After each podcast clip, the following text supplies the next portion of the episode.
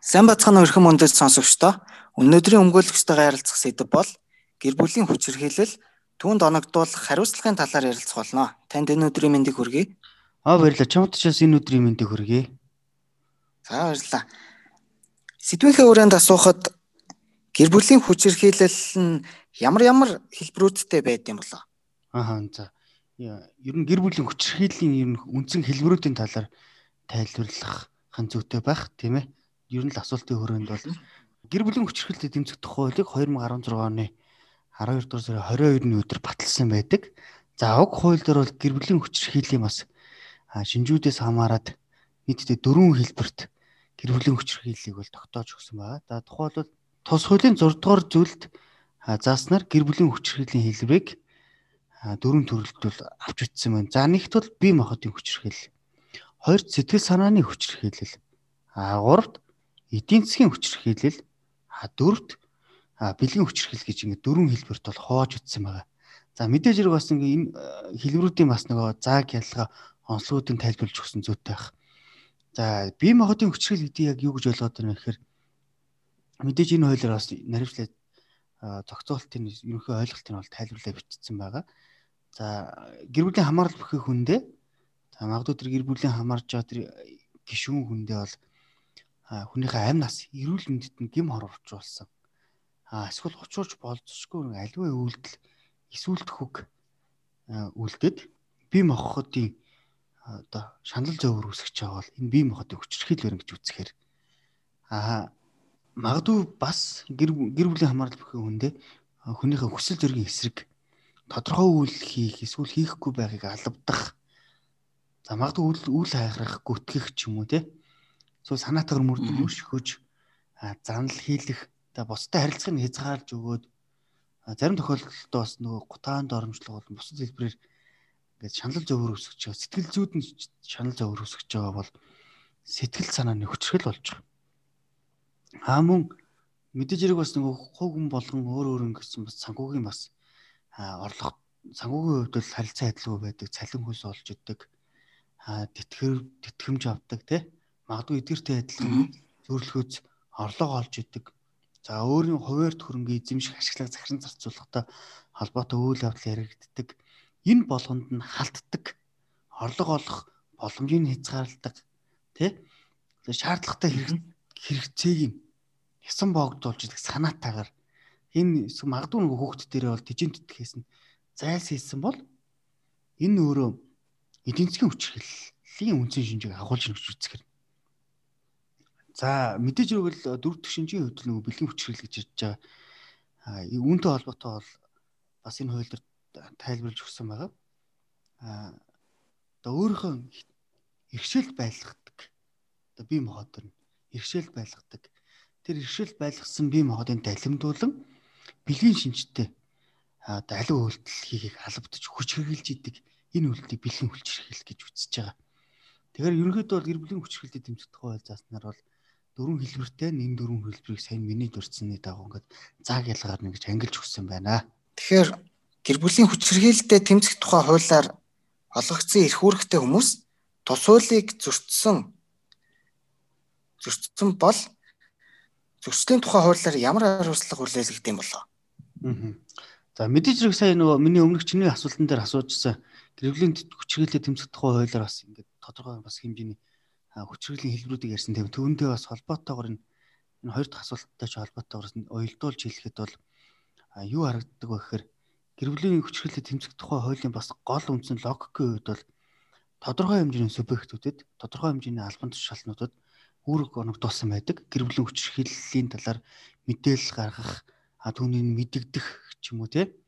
Та зохих ёсны байгууллагт түүнд нь гомдол гаргах, шалгах үүрэг бол тодорхой хэмжээний далмын тушаалнууд олгогдсон байдаг. Энэ үргээ биелүүлээгөө бол мэдээж хэрэг хууль зүйн хувьд бол хариуцлага хүлээх хэрэгтэй байдаг. За энэ хууль зүйн хувьд бол хариуцлага хүлээлгэж байгаа асуудал дээр нь зөрчлийн тухай хууль бол зааж өгсөн байна. За зөрчлийн тухай хуулийн 5-ын 4-р зүйл гэр бүлийн хүчирхэлтэд дэмжих тухай хууль зөрчсөн бол дараах хариуцлага хүлээлгэнэ гэсэн зохицуулт байгаа даа. Энд бол энд бол нийтдээ дөрвөн зүйл ангина. За нэгт гэр бүлийн хүчирхийллийн талаар одоо хуулиар хүлээсэн мэдээлэл хүргэе биелүүлээгөө бол хүнийг 200 нэштэй тэмцэх хэмжээний төргөөр торгож байгаа. За бол төр хамгаалах байр гэж байгаа мэдээж нэг нь гэр бүлийн хүчрхэл өртсөн хүүхэд ч юм уу те нь тусгаарлан ингээ хамгаалж байгаа байрт зөвшөөрлөхгүйгээр хууль дүрм журм зөрчиж нэвтэрсэн бол тухайн хүнийг 200 нэгчтэй тэнцэх хэмжээний төгрөгөөр торгож байгаа. Нь бол бас нөгөө төр хамгаалах байранд байгаа хүнд нөлөөлөх гээд очиод байна гэсэн үг шүү дээ. Тэгж ойлгохоор. За гурд төр хамгаалах байрны зориултыг одоо албан байгууллага өөрчлөөд ашиг төлөвч юм уу те эсвэл хууль заасан өөр арга хэлбэрээр зориулт ашигласан бол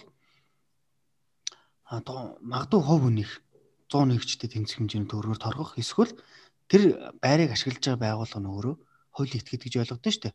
Хуулийн этгээдийг 1000 буюу сая төгрөгөөр торгохоор ийм зохицуулттай байгаад байгаа.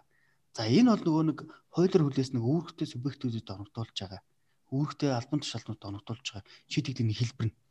Харин дөрөвт энэ хуулийн дөрөвдүгээр зүйлс зааснаар гэр бүлийн хамаарал бүхий харилцаатай хүнийгээ гэр бүлийн гишүүн нь зодсон бол хүсэл зоригын эсрэг тодорхой үйл хийхгүй байгааг алдсан бол бустай харилцахыг хязгаарласан бол за зарим тохиолдолд хуваарт болон дундын эд хөрөнгөө эзэмших, ашиглах, захиран зарцуулах эрт нь халдаад хязгаарлалт тогтоогод байгаа үйлдэл нь эргэн хариуцлага хүлээх хүчтэй бол албатан сургалтанд хамруулж 7-30 хоногийн баримтлах шийдвэр оруулах тийм зохицуулттай байгаад байгаа.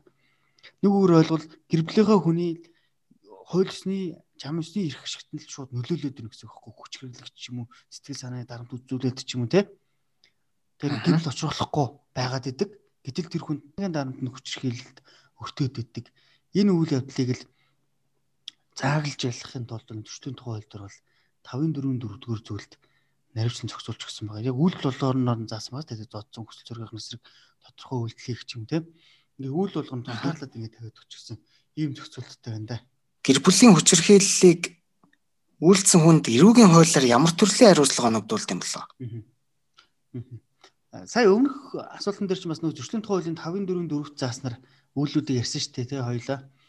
Аа. Зүгдэл яригадад иддэг тий зодсон хүсэл зүрхийн эсрэг тодорхой үйл хийх хийхгүй байхыг алдсан гэд бустай харилцаг хязгаарлсан гэл яг нөгөө миний хамгийн анхны асуултан дээр хариулж исэн хүчрхийллийн нөгөө үндсэн дөрвөн хэлбэр байна л та тий.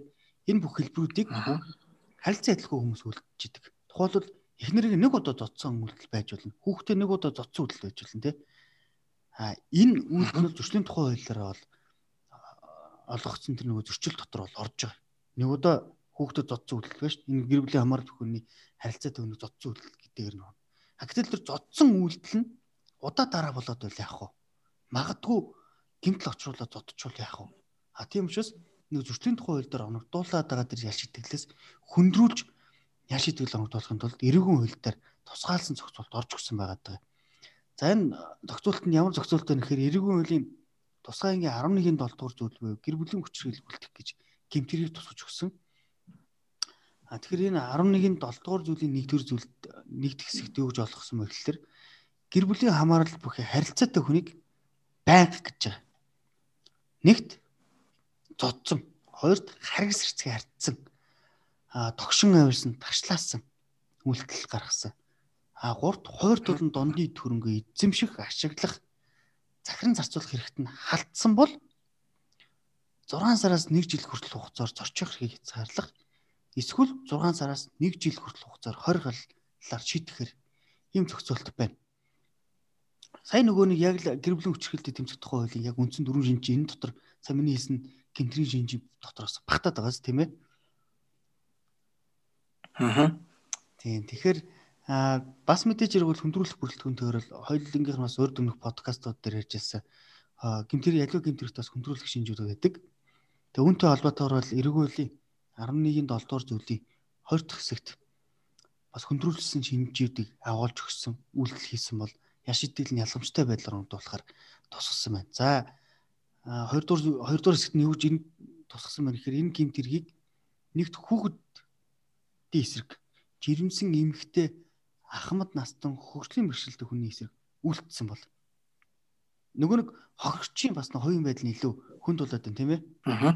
Тийм. За хоёрт бол асрах асрамжийн үйлчилгээ үзүүлэх байгууллага ажилтан үлдсэн. Гэр бүлийн хүчрхэлтэд шүү дээ тийм ээ. А гурт тасан зогсоох гэсэн хүнийг эсэргүүцэж үлдсэн бол одоо гэр бүлийн хүчрхэл үлдээд тахтан тэрийг таслан зогсоох гээд нэг хүн ороод ирлээ тасалж байгаа явцтан түүнд нь гимтэл ч юм уу альва нэг үйл хийсэн бол нөгөө гэр бүлийн хүчрхэл үлдэж дуусах гэдэг шүү дээ. Тэгэд энэ таслан зогсоох гэсэн хүнийг эсэргүүцэж үлдсэн бол 6 сараас 2 жил хүртэл хугацаагаар зорчих хэргийг зарлах эсвэл 6 сараас 2 жил хүртэл хугацаагаар хорхол шийдэхээр ийм тохиолдолтой байгаад байгаа. Илүү нөгөө зөрчлийн тухай хуулиа харсан ч гэсэн энэ гэр бүлийн хүчрхэл үйлцэн гимтэргийг харсан ч гэсэн ингээд ял шийтгэл нь их одоо харилцан адилхөө ялгамжтай байдлаар оногдуулж гисэн. Энэ тэгэхээр одоо тэр дундаа гэр бүлийн хүчрхэл бол олон төрөлтэй байдаг. Олон жил одоо үлдэгддэг ч юм уу те сэтгэл санааны зовөр өсгдөг учраас их олон төрлөөр бол энэ гэр бүлийн хүчрхэлийг үзэж ялгахын тулд ийм олон зохицуулт эрүүгийн болон зөрчлийн хэрэгслэг хамтуулахаар тусгаж өгсөн байна да.